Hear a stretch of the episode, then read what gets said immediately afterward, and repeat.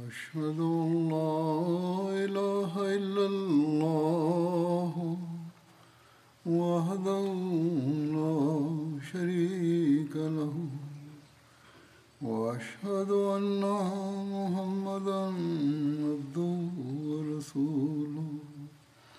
أما بعد فأعوذ بالله من الشيطان الرجيم. بسم الله الرحمن الرحيم. الحمد لله رب العالمين.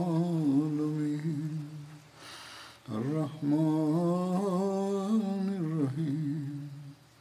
مالك يوم الدين. إياك نعبد وإياك نستعين. اهدنا الصراط المستقيم. صراط الذين أنعمت عليهم. غير المغضوب عليهم ولا الضالين. كنت بصدد ذكر سيرة النبي صلى الله عليه وسلم على ضوء الأحداث الواقعة في غزوة أحد. وذكر علاقة الحب والوفاء العظيمة للصحابة بالنبي صلى الله عليه وسلم. وبهذا الصدد نجد ذكر استشهاد خارج بن زيد. قاتل خارج بشجاعة وبسالة كبيرتين وأحرز درجة الشهادة العظيمة. أخذته الرماح يوم أحد فجرح بضع عشر جرحا وكان منهكا بجروحه فمر به صفوان بن أمية فعرفه فأجهز عليه ومثل به وقال هذا مما أغرى بأبي علي يوم بدر يعني أباه أمية بن خلف. وقال الآن شفيت نفسي حين قتلت الأمثال من أصحاب محمد صلى الله عليه وسلم. وقتل صفوان بن قوقل وخارج بن زيد وأوس بن الأرقم. لقد دفن خارج بن زيد وسعد بن الربيع الذي كان ابن عمه في قبر واحد.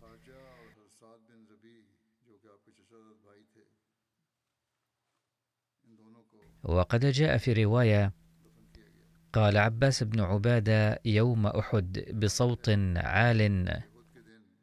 يا معشر المسلمين الله ونبيكم هذا الذي أصابكم بمصيبة نبيكم فيوعدكم النصر بما صبرتم. ثم نزع مغفره عن رأسه وخلع درعه فقال لخارج بن زيد هل لك في درعي ومغفري؟ قال خارج لا. أنا أريد الذي تريد. فخالطوا القوم جميعا وعباس بن عبادة يقول ما عذرنا عند ربنا إن أصيب رسول الله ومنا عين تطرف. يقول خارج لا عذر لنا عند ربنا ولا حجة. فأما عباس فقتله سفيان بن عبد شمس السلمي. وقد تلقى خارج بن زيد بضع عشر جرحا من الرماح.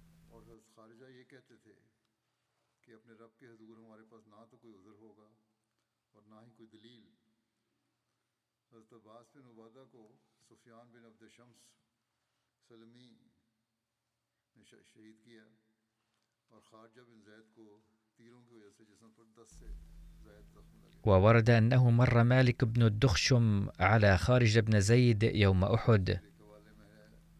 كان خارج منهكا بجروحه وبه ثلاثة عشر جرحا مهلكا. فقال له مالك أما علمت أن محمدا صلى الله عليه وسلم قد قتل؟ هذا القول بعد الهجمة الثانية للكفار. فقال خارج إن قتل رسول الله صلى الله عليه وسلم فإن الله حي لا يموت. فقد بلغ رسول الله صلى الله عليه وسلم رسالة ربه فقاتل عن دينك. أي ما دام العدو يحاربك فعليك أن تحاربه. وليست الآن مهمتنا سوى التضحية بحياتنا لوجه الله تعالى. ثم هناك ذكر لاستشهاد شماس بن عثمان. لقد شارك شماس بن عثمان في بدر وأحد. وقد قاتل في أحد بمنتهى الشجاعة. وقال النبي صلى الله عليه وسلم إني لوجدت شماسا كجنة. وكان رسول الله صلى الله عليه وسلم لا يرمي ببصره يمينا ولا شمالا يومئذ إلا رأى شماسا في ذلك الوجه يذب بسيفه عنه. حتى غشي رسول الله صلى الله عليه وسلم القوم أي عندما تعرض النبي صلى الله عليه وسلم للهجوم وأصيب بالحجر.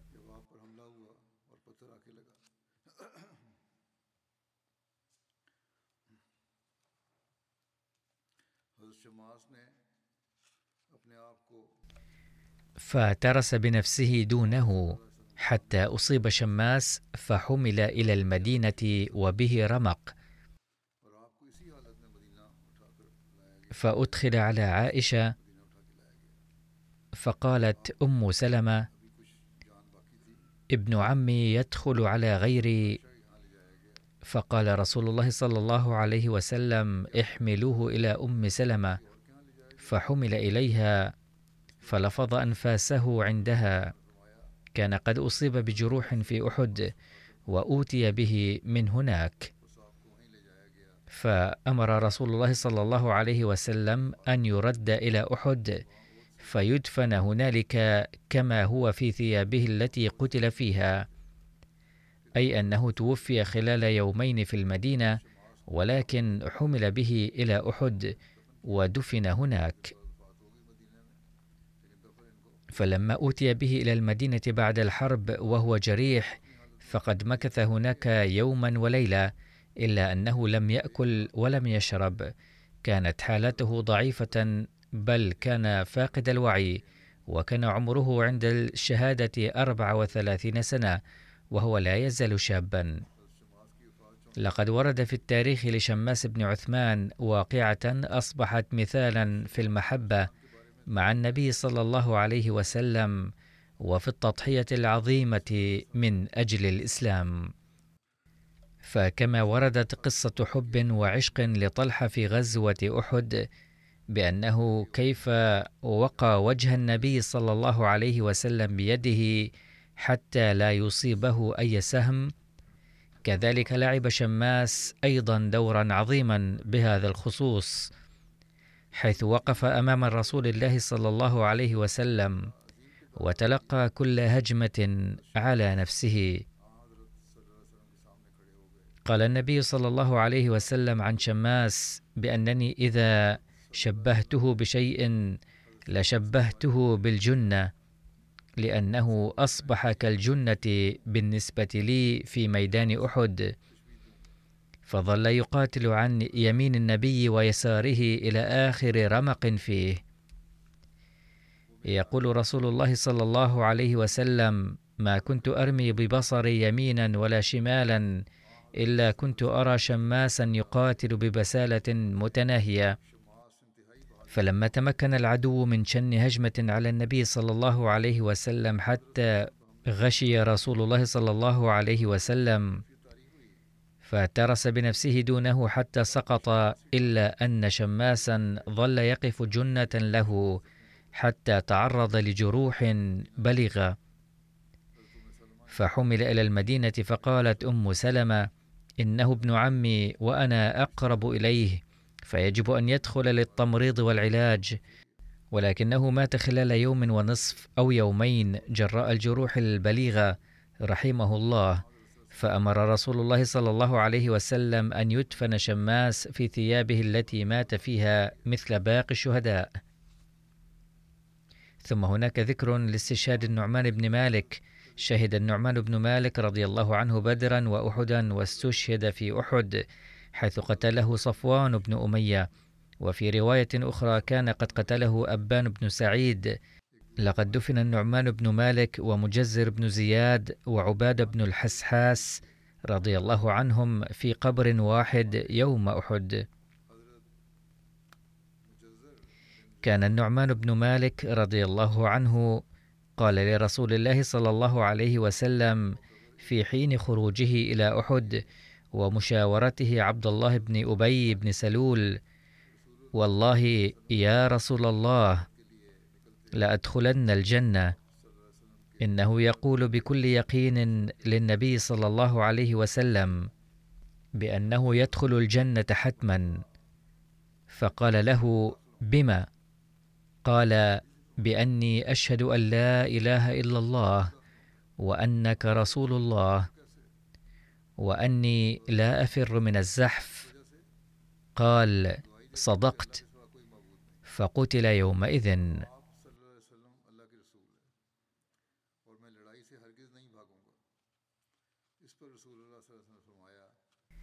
وعن خالد بن أبي مالك الجعدي أنه وجد في كتاب أبيه رواية أن النعمان بن قوقل الأنصاري قال أقسمت عليك يا ربي ألا تغيب الشمس حتى اطا بعرجتي في خضرة الجنة فاستشهد ذلك اليوم. فقال النبي صلى الله عليه وسلم قد أجاب الله دعاءه فقد رأيته يمشي في الجنة وما به من عرج. اي قد أطلع الله سبحانه وتعالى الرسول صلى الله عليه وسلم على ذلك في المشهد الكشفي.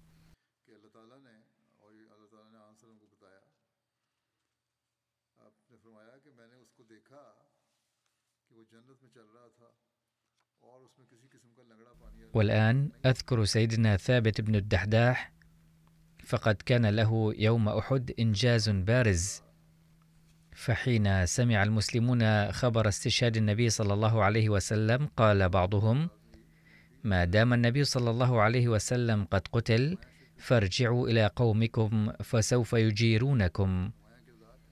فقال الآخرون إذا كان النبي صلى الله عليه وسلم قد استشهد أفلن تقاتلوا عن دينه صلى الله عليه وسلم ورسالته حتى تأتوا ربكم شهداء. فقال سيدنا ثابت بن الدحداح للأنصار يا معشر الأنصار إن كان محمد صلى الله عليه وسلم قد قتل فإن الله حي لن يأتي عليه الفناء. فقاتلوا عن دينكم فسوف يهب الله لكم الفتح والانتصار. فنهض إليه نفر من الأنصار فشنوا الهجوم على كتيبة المشركين التي فيها خالد بن الوليد وعكرمة بن أبي جهل وعمرو بن العاص وضرار بن الخطاب وحين رأى خالد بن الوليد هجوم هذه الجماعة الصغيرة للمسلمين أعاد لها الكرة وقتل سيدنا ثابت بن الدحداح ومن معه من الأنصار.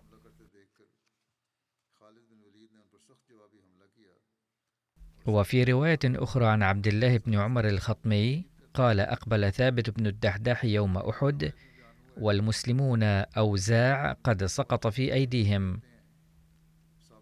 فجعل يصيح يا معشر الأنصار إلي أنا ثابت بن الدحداح. إن كان محمد صلى الله عليه وسلم قد قتل فإن الله حي لا يموت. فقاتلوا عن دينكم فإن الله مظهركم وناصركم. فنهض إليه نفر من الأنصار فجعل يحمل بمن معه من المسلمين. وقد وقفت له كتيبة خشناء فيها رؤوسهم. خالد بن الوليد وعمرو بن العاص وعكرمة بن أبي جهل وضرار بن الخطاب فجعلوا يناوشونهم. وحمل عليه خالد بن الوليد بالرمح فأنفذه فوقع ثابت ميتا. وقتل من معه من الأنصار فيقال إن هؤلاء آخر من قتل من المسلمين يومئذ. وفي رواية أن خالد بن الوليد تقدم إليه وطعنه برمح فسقط سيدنا ثابت جريحا فحمله الناس فعالجوه. فاحتقن دمه وبرأ ثم انتفض جرحه فجأة بعد غزوة الحديبية فمات بصدمته.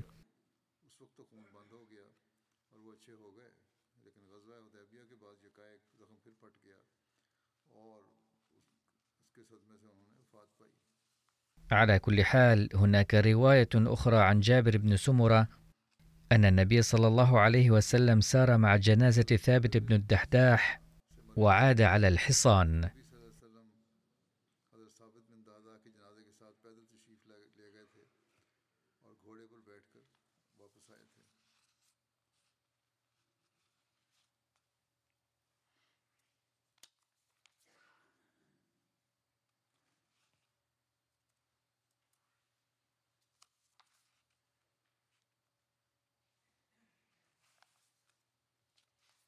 فمن هذه الرواية أيضا يتبين أن الرواية التي ورد فيها أنه مات بانتفاضة جرحه بعد الحديبية ضعيفة وأنه كان قد استشهد يوم أحد.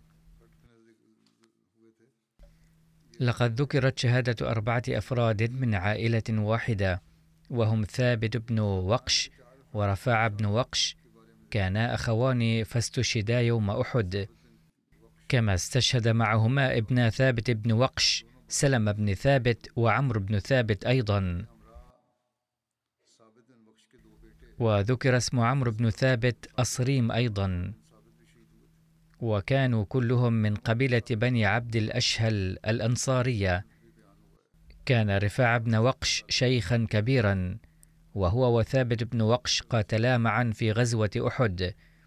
ورفاعة قتله خالد بن الوليد. قال ابن إسحاق لما خرج رسول الله صلى الله عليه وسلم إلى أحد كان حسيل بن جابر وهو اليمان أبو حذيفة بن اليمان وثابت بن وقش وهما شيخان كبيران في الآطام مع النساء والصبيان. فقال أحدهما لصاحبه ما تنتظر؟ فوالله لا بقي لواحد منا من عمره إنما نحن هامة اليوم أو غدا. أفلا نأخذ أسيافنا؟ ثم نلحق برسول الله صلى الله عليه وسلم. لعل الله يرزقنا شهادة مع رسول الله صلى الله عليه وسلم. فأخذا أسيافهما ثم خرجا. وانقضا على الكفار حتى دخلا في الناس أي بدا القتال.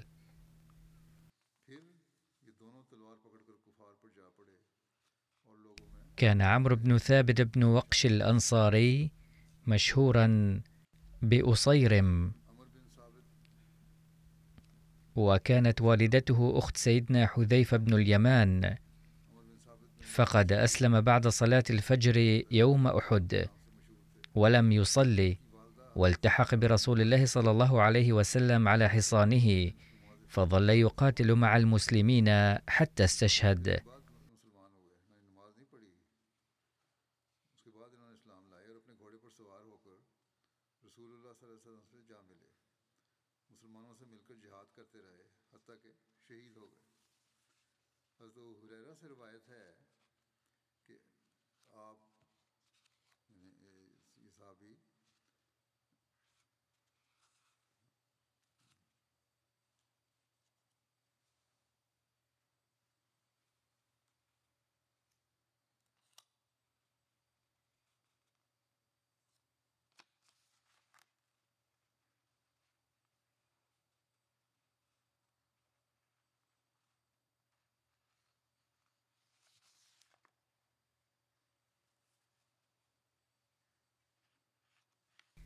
عن أبي هريرة قال كان يقول رضي الله عنه حدثوني عن رجل دخل الجنة لم يصل قط فإذا لم يعرفه الناس سألوه من هو فيقول أصيرم ابن أصيرم أي عمرو بن ثابت. وفي رواية أن أصيرم كان يأبى الإسلام على قومه فلما كان يوم خرج رسول الله صلى الله عليه وسلم إلى أحد بدا له في الإسلام. فأسلم ثم أخذ سيفه فجاء إلى قومه حتى دخل في عرض الناس فقاتل حتى أثبتته الجراحه قال فبين رجال من بني عبد الأشهل يلتمسون قتلاهم في المعركة إذا هم به فقالوا والله إن هذا لأصيرم ما جاء به. لقد تركناه وأنه لمنكر للإسلام. فسألوه ما جاء به فقالوا ما جاء بك يا عمرو؟ أحدب على قومك أم رغبة في الإسلام؟ قال بل رغبة في الإسلام. أي قد وجدت الإسلام صادقا لذا قد أتيت إلى هنا. آمنت بالله وبرسوله وأسلمت. ثم أخذت سيفي فغدوت مع رسول الله صلى الله عليه وسلم. ثم قاتلت حتى أصابني ما ترون ثم لم يلبث أن مات في أيديهم. فذكروه لرسول الله صلى الله عليه وسلم فقال إنه لمن أهل الجنة. لقد توقفت قبل قليل حيث ذكر إنه من أهل الجنة. إذ وجدت مكتوبا بعد يقول رضي الله عنه وخطر ببالي أنه كان يجب أن يكتب صلى الله عليه وسلم فربما هذا قول أحد الصحابة لكن مع هذه الرواية اتضح أن النبي صلى الله عليه وسلم قال إنه من أهل الجنة وتبدو الرواية الأولى صحيحة من هذا المنطلق. أنه دخل الجنة دون أن يصلي أي صلاة حيث جاء في أجله ونال درجة الشهادة. الشهيد الرابع من هذه العائلة هو سلم بن ثابت واسمه الكامل سلم بن ثابت بن وقش وكان قد شهد بدرا أيضا فقتله أبو سفيان في غزوة أحد. واستشهد والده ثابت بن وقش وعمه رفاعة بن وقش وأخوه عمرو بن ثابت أيضا يوم أحد. هناك عدة أشخاص من أسرته شهدوا غزوة أحد.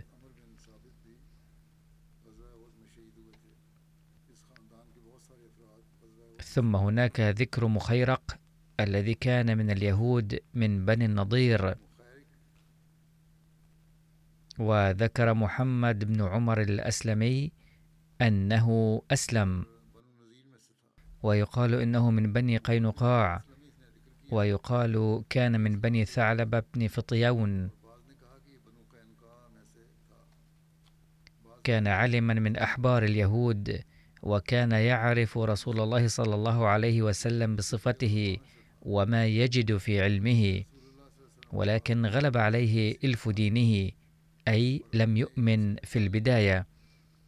فلما كان يوم السبت قال والله يا معشر يهود إنكم لتعلمون أن نصر محمد صلى الله عليه وسلم عليكم لحق كان جند المسلمين خرج يوم الجمعة وفي يوم السبت قال هذا الكلام لقومه فقالوا اليوم يوم السبت أي لا نقاتل يوم السبت.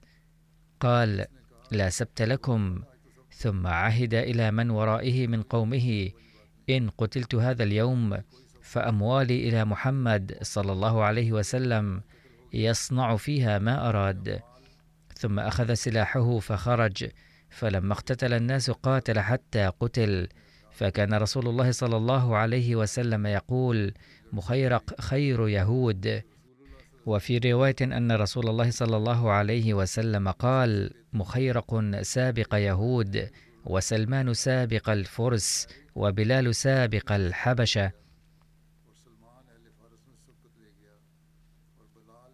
وقال بعض أصحاب السير أن مخيرقا ضحى بنفسه وهو يقاتل الكفار دفاعا عن الإسلام. وقد جرت على لسان النبي صلى الله عليه وسلم كلمات الثناء عليه ولذلك فهو مسلم عند العديد من أصحاب السير والمؤرخين ومنهم ابن هشام والسهيلي وابن حجر ابن كثير البلاذري القاضي عياض والإمام النووي وغيرهم.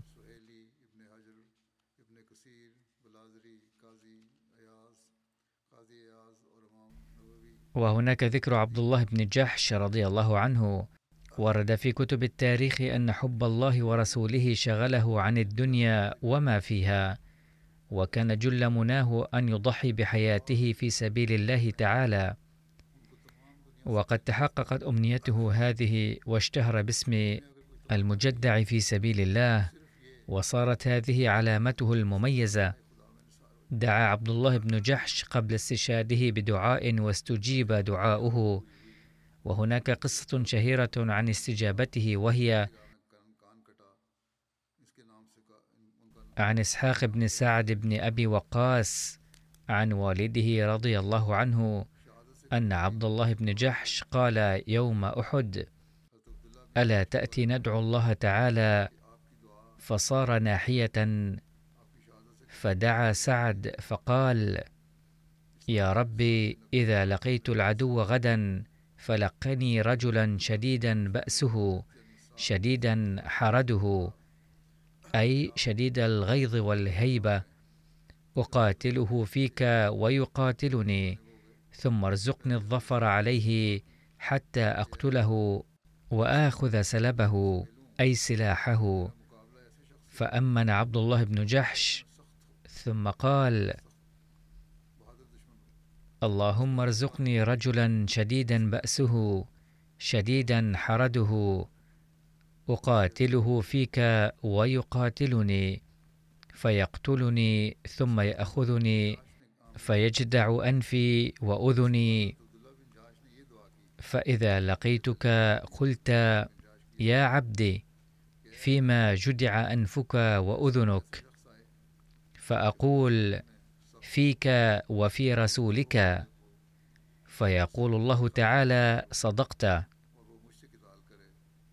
قال سعد كانت والله دعوة عبد الله بن جحش خيرا من دعوتي ولقد رأيته آخر النهار وإن أذنيه وأنفه معلقات في خيط.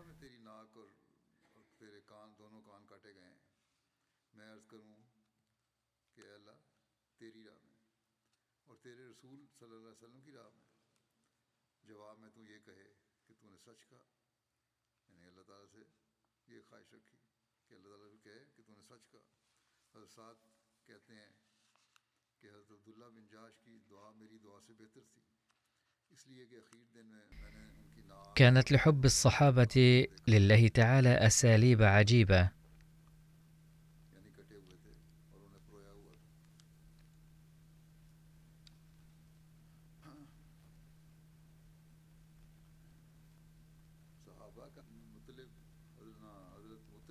وعن المطلب بن عبد الله بن حنطب رضي الله عنه أن رسول الله صلى الله عليه وسلم يوم خرج إلى أحد نزل عند الشيخين اسم مكان فأصبح هناك. فجاءته أم سلمة بكتف مشوية فأكلها ثم جاءته بنبيذ فشرب. ثم أخذ رجل من القوم إناء النبيذ فشرب منه. ثم أخذه عبد الله بن جحش فعب فيه. أي شرب كل ما فيه. فقال له رجل بعض شرابك أي آتني بعض هذا الشراب. أتدري أين تغدو؟ أي هناك قتال في الصباح ومن يدري من سيقتل ومن سيحيا. قال عبد الله بن جحش نعم ألقى الله وأنا ريان أحب إلي من أن ألقاه وأنا ظمآن. اللهم إني أسألك أن أستشهد وأن يمثل بي فتقول فيما صنع بك هذا فأقول فيك وفي رسولك. أي سألقى الله تعالى وأرغب في أن ألقاه وأنا شبعان وريان ولذلك شربته هكذا. إنها لعجيبة أساليب حب الصحابة لله تعالى. وأيضا لغريبة طرق استعدادهم للقاء الله تعالى. ودفن عبد الله بن جحش وحمزة بن عبد المطلب وهو خاله في قبر واحد. وكان عبد الله بن جحش يوم استشهد ابن بضع وأربعين سنة. وولي تركته رسول الله صلى الله عليه وسلم فاشترى لابنه مالا بخيبر.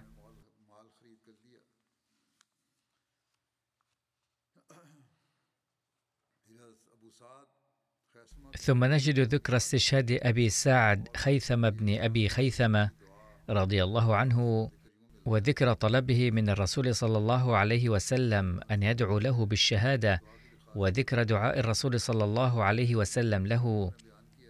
قال محمد بن عمر أن خيثم قال يوم أحد يا رسول الله لقد أخطأتني وقعة بدر وكنت والله حريصا عليها.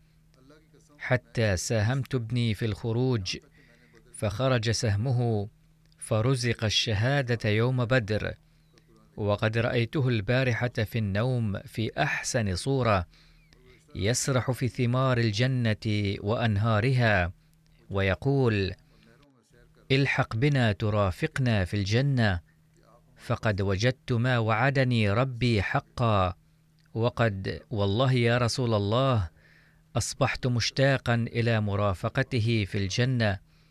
فادعوا الله تعالى أن يرزقني الشهادة ومرافقته في الجنة.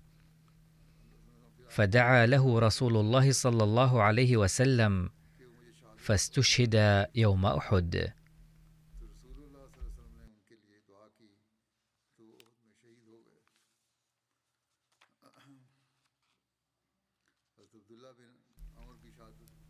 ثم هناك ذكر استشهاد عبد الله بن عمرو رضي الله عنه. هناك رواية تقول إن عبد الله بن عمرو حين أراد الخروج لوقعة أحد دعا ابنه جابرا رضي الله عنهما وقال له يا بني أرى أني سأكون شهيد اليوم ووالله لا أترك ورائي من هو أعز إلي منك بعد رسول الله صلى الله عليه وسلم. أي هذان الشخصان أحب إلي في الدنيا؟ أولهما النبي صلى الله عليه وسلم. ثم أنت يا بني. وإن علي دينا فاقض عني ديني واستوص بأخواتك خيرا. أي عامل أخواتك بالحسنى ولا تهضم حقهن. قال جابر رضي الله عنه فأصبحنا فكان أول قتيل جدعوا أنفه وأذنيه.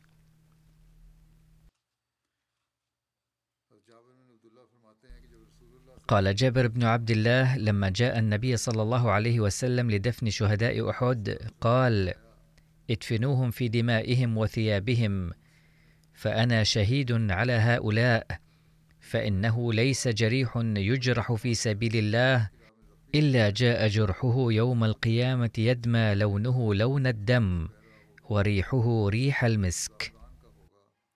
أي إنهم مقبولون عند الله تعالى فلا حاجة لغسلهم وكفنهم تكفيهم ثيابهم.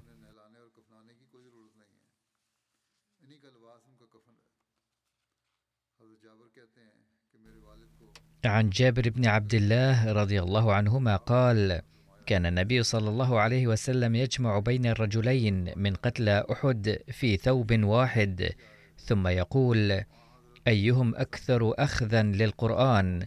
فإذا أشير له إلى أحدهما قدمه في اللحد. أي كان العالمون بالقرآن يدفنون اولا.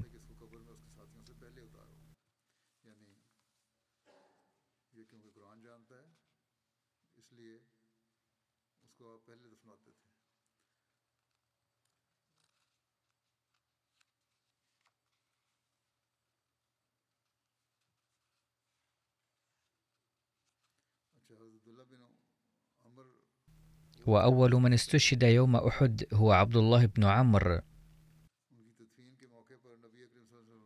قال رسول الله صلى الله عليه وسلم عند دفنه ادفنوا عبد الله بن عمرو وعمرو بن الجموح في قبر واحد فإنهما كانا متصافين في الدنيا.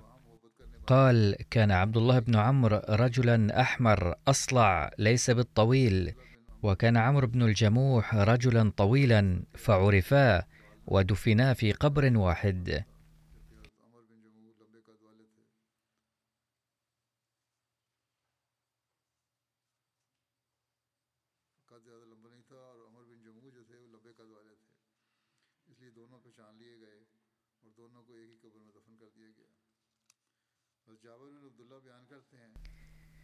قال جابر بن عبد الله رضي الله عنهما جيء بأبي يوم أحد إلى النبي صلى الله عليه وسلم وقد مثل به أي قطعت أعضاء جسده لا سيما الأذن والأنف.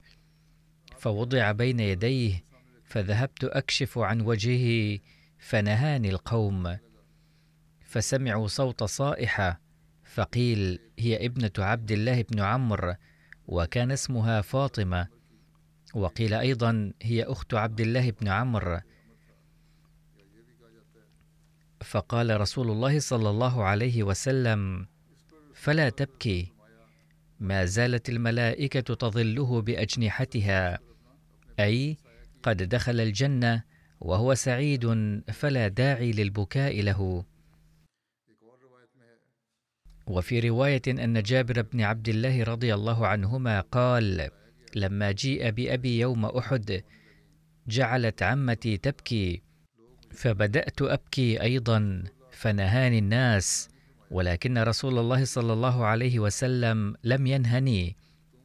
فقال النبي صلى الله عليه وسلم تبكون عليه أو لا تبكون فوالله ما زالت الملائكة تظله بأجنحتها حتى دفنتموه.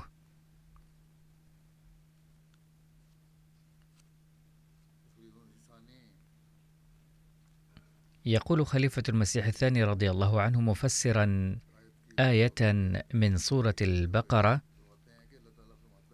قال الله تعالى لا تقولوا لهؤلاء الشهداء الذين قتلوا في سبيل الله أنهم أموات بل هم جنود لله أحياء لأنه سبحانه سوف ينتقم لهم.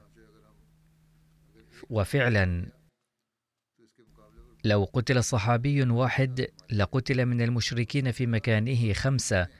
ففي كل معركة كان قتل الكفار أكثر من شهداء المسلمين إلا في غزوة أحد حين استشهد عدد أكبر من المسلمين. ولكن الله تعالى ثأر لهم من الكفار في حروب أخرى.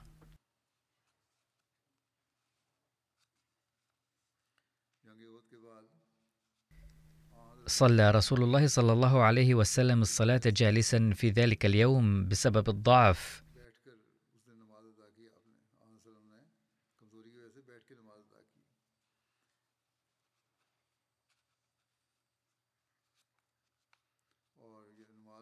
والصلاة التي صلاها قعودا هي صلاة الظهر.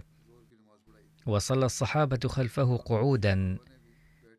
لأنه كان يصلي جالسا لذا صلى الصحابة أيضا جالسين ولم يقفوا.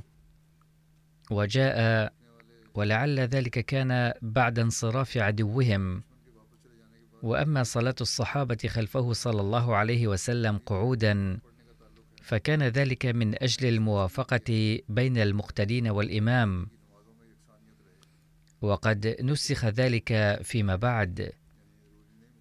أي لم يعد ضروريا ويمكن للمقتدي أن يصلي واقفا خلف الإمام القاعد.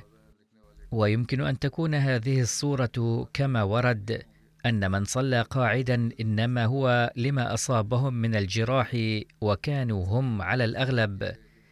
فقيل صلى المسلمون خلفه قعودا أي كان منهم من صلى قائما.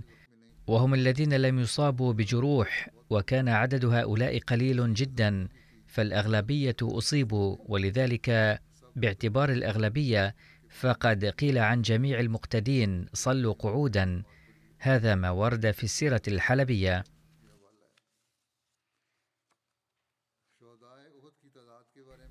وورد عن عدد الشهداء يوم أحد أن معظم العلماء قالوا أن عدد القتلى من المسلمين في ذلك اليوم سبعون. أربعة من المهاجرين وهم حمزة بن عبد المطلب ومصعب بن عمير وعبد الله بن جحش وشماس بن عثمان. وأحد الأقوال أن مجموع شهداء أحد كان ثمانين شهيدا. منهم أربعة وسبعون من الأنصار وستة من المهاجرين. ويقول العلامة ابن حجر العسقلاني إذا كان المهاجرون الستة شهداء فلعل الخامس سعد مولى حاطب بن بلتعة والسادس ثقيب بن عمرو وهو حليف بني عبد شمس. وهناك كتاب اسمه عيون العصر ورد فيه مجموع الشهداء ستة وتسعين شهيدا. وكان مجموع القتلى من المشركين ثلاثة وثلاثين وقيل كان عددهم اثنين وعشرين. وفي رواية أن حمزة وحده قتل واحدا وثلاثين مشركا في هذه المعركة. وهذه الرواية لا تبدو صحيحة لأن مجموع القتلى كان ثلاثة وثلاثين. ويكتب أحد أصحاب السير عن عدد شهداء أحد. هناك أقوال مختلفة حول عدد الصحابة الذين استشهدوا على أيدي الكفار في غزوة أحد. وقد اختلف المؤرخون وكتاب السير والمحدثون في أن عدد شهداء أحد يتراوح بين 49 إلى 108 ولكن معظمهم قالوا بأن سبعين من الصحابة استشهدوا يوم أحد. كما ورد في ذكر صلاة الجنازة ودفن شهداء أحد هناك آراء مختلفة حول صلاة الجنازة على شهداء غزوة أحد. ورد في صحيح البخاري عن جابر بن عبد الله قال كان النبي صلى الله عليه وسلم يجمع بين الرجلين من قتلى أحد في ثوب واحد ثم يقول أيهم أكثر اخذا للقرآن فإذا أشير له إلى أحدهما قدمه في اللحد. وإذا كان على القتيلين ثوب واحد فكانا يوضعان بجنب بعضهما بعضا يمينا ويسارا. وكان الأعلم بالقرآن يدفن أولا.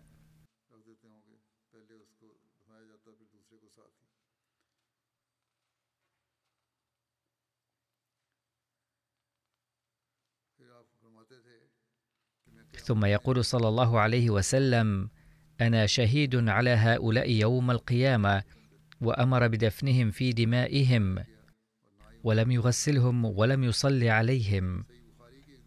وقد جاءت في صحيح البخاري رواية عن عقبة بن عامر قال صلى رسول الله صلى الله عليه وسلم على قتلى أحد وفي صحيح البخاري رواية أخرى جاء فيها أن رسول الله صلى الله عليه وسلم صلى على قتلى أحد بعد ثمان سنين. أقول لقد ذكر الرواة بهذا الشأن أكثر من رواية ولكن يبدو أنه لم تتم الصلاة عليهم يوم أحد بل صليت في وقت آخر لاحقا. وفي سنن ابن ماجه أنه كان يؤتى بقتلى أحد إلى رسول الله صلى الله عليه وسلم فكان يصلي على عشرة عشرة ثم يرفع من صليت عليهم. وبقيت جثة حمزة موجودة أمامه صلى الله عليه وسلم. ويبدو أن الرواة أساءوا الفهم في هذا الموضوع أيضا. وجاء في رواية سنن ابن أبي داود عن أنس بن مالك أن شهداء أحد لم يغسلوا ودفنوا بدمائهم ولم يصلى عليهم. وفي رواية أخرى في سنن أبي داود عن أنس أنه صلى الله عليه وسلم لم يصلي على شهداء أحد إلا حمزة. وفي سنن الترمذي عن أنس بن مالك أنه صلى الله عليه وسلم لم يصلي على قتلى أحد. أقول الأغلبية من الرواة يقولون بعدم صلاة الجنازة على شهداء أحد. وقد جاء في سيرة ابن هشام أن النبي صلى الله عليه وسلم صلى على شهداء أحد وصلى على حمزة قبل غيره وكبر فيه سبع تكبيرات. وورد في سيرة الحلبية أنه صلى الله عليه وسلم كبر أربع تكبيرات. ثم كان يؤتى بشهيد ويوضع بجنب حمزة فكان صلى الله عليه وسلم يصلي على كليهما. وهكذا صليت على كل شهيد مرة وعلى حمزة 72 مرة. وقال البعض إنه صلي عليه 92 مرة. اذا هكذا ورد في الروايات ولكن بعضها ضعيفة أيضا.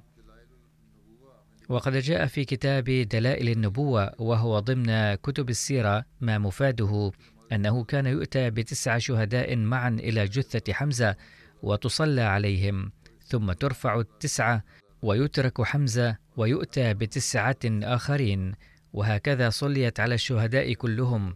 وكل مرة كبر النبي صلى الله عليه وسلم سبع تكبيرات ونوقش عن الصلاة على قتلى أحد في السيرة الحلبية ودلائل النبوة. وقد وردت فيهما رواية عن جابر بن عبد الله أن النبي صلى الله عليه وسلم أمر بدفن قتلى أحد بدمائهم ولا يغسلوا ولم يصلى عليهم وعدت هذه الرواية أقوى. إذا فالنتيجة النهائية هي أنه لم يصلي عليهم. يقول الإمام الشافعي ما معناه أنه يتأكد من الروايات المتواترة أن النبي صلى الله عليه وسلم لم يصلي على شهداء أحد والروايات التي تتحدث أنه صلى الله عليه وسلم صلى عليهم وكبر على حمزة سبع تكبيرات فهي ليست صحيحة. وأما رواية عقبة بن عامر القائلة بأنه صلى الله عليه وسلم صلى على شهداء أحد فكما سبق القول عن هذه الرواية أن ذلك كان بعد ثمان سنين ولم يكن يوم أحد.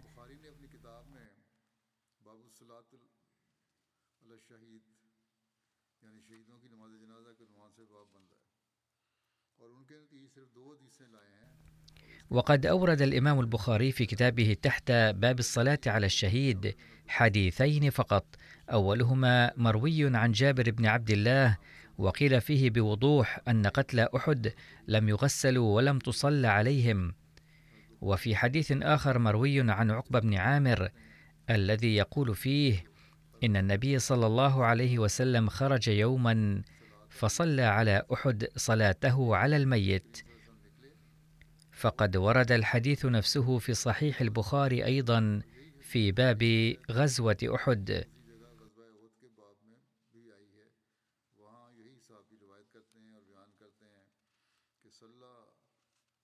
حيث يقول الصحابي نفسه صلى رسول الله صلى الله عليه وسلم على قتلى أحد بعد ثمانية سنين كالمودع للأحياء والأموات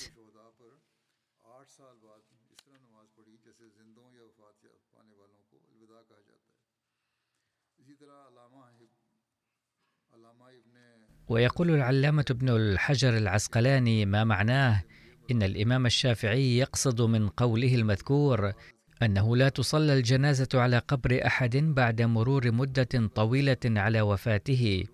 ويرى الإمام الشافعي أنه عندما علم النبي صلى الله عليه وسلم أن وفاته قريبة زار قبور شهداء أحد ودعا لهم واستغفر لهم مودعا إياهم. وهذا هو موقف الجماعة الإسلامية الأحمدية كما كتب ميرزا بشير أحمد رضي الله عنه أي أنه لم تصلى عليهم الجنازة حين ذاك وهذا واضح. وتقول الروايات إنه لم تصلى على شهداء أحد حين ذاك ولكن عندما قرب موعد وفاة النبي صلى الله عليه وسلم صلى على شهداء أحد بوجه خاص ودعا لهم بإلحاح شديد. وستذكر بعض الأمور بهذا الشأن لاحقا بإذن الله.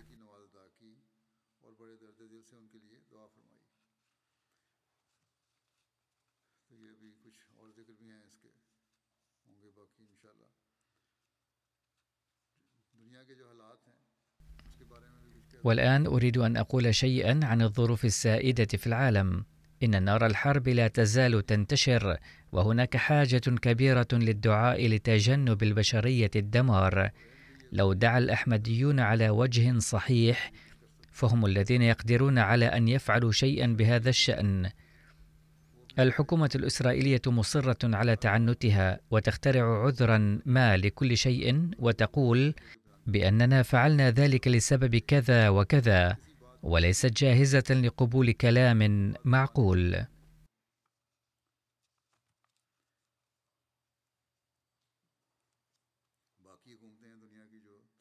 أما الحكومات الأخرى القوية في العالم فإما هي راضية بما يجري أو تخاف إسرائيل فهي تدلي ببيانها أولا إنه يجب إيقاف الحرب والمظالم ولكن عندما تقول الحكومة الإسرائيلية أو رئيس الوزراء الإسرائيلي شيئا فهي توافق معها.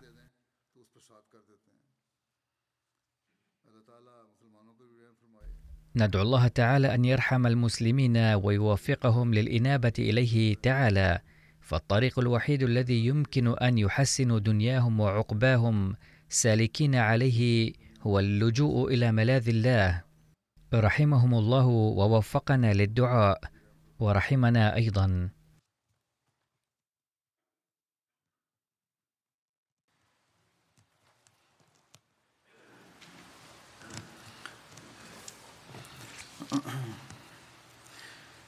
الحمد لله الحمد لله نحمده ونستعينه ونستغفره ونؤمن به ونتوكل عليه ونعوذ بالله من شرور انفسنا ومن سيئات اعمالنا من يهده الله فلا مضل له ومن يضلل فلا هادي له.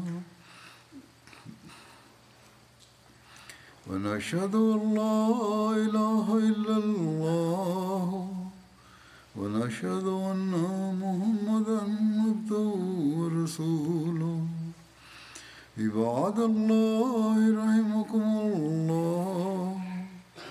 إن الله يأمر بالعدل واللسان وإيتاء ذي القربى وينهى عن الفحشاء والمنكر والبغي يعظكم لعلكم تذكرون واذكروا الله يذكركم وادعوه يستجب لكم ولذكر الله أكبر.